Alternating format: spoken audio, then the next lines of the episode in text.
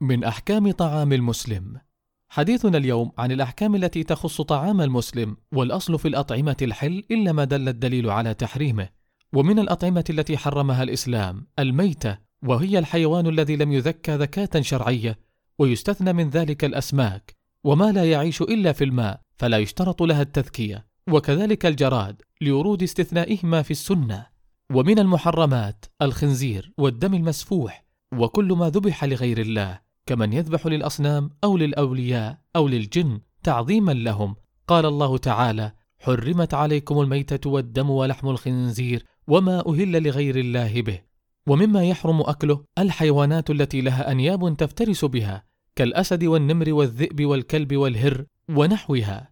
ومما يحرم أكله الطيور التي لها مخالب تصيد بها كالصقر والنسر والنورس ونحوها. فعن ابن عباس رضي الله عنه قال نهى رسول الله صلى الله عليه وسلم عن كل ذي ناب من السباع وعن كل ذي مخلب من الطير. رواه مسلم. ومن المحرمات من الأطعمة المسكرات باختلاف أنواعها ومسمياتها كالحشيشة التي تسكر والخمور وإن سميت بغير اسمها والمخدرات وغيرها مما يسكر ويغطي العقل. لقول النبي صلى الله عليه وسلم ما أسكر كثيره فقليله حرام. رواه النسائي وابن ماجه وأحمد وصححه الألباني.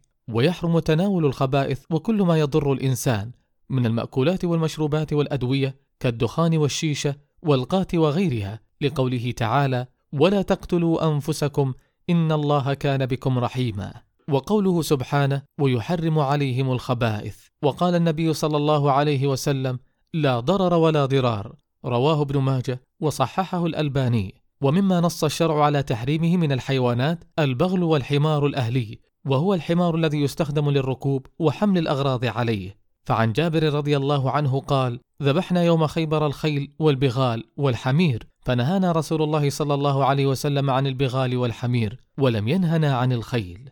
رواه أبو داود وصححه الألباني. نكتفي بهذا القدر ونتحدث في اللقاء القادم بمشيئة الله عن آداب الطعام.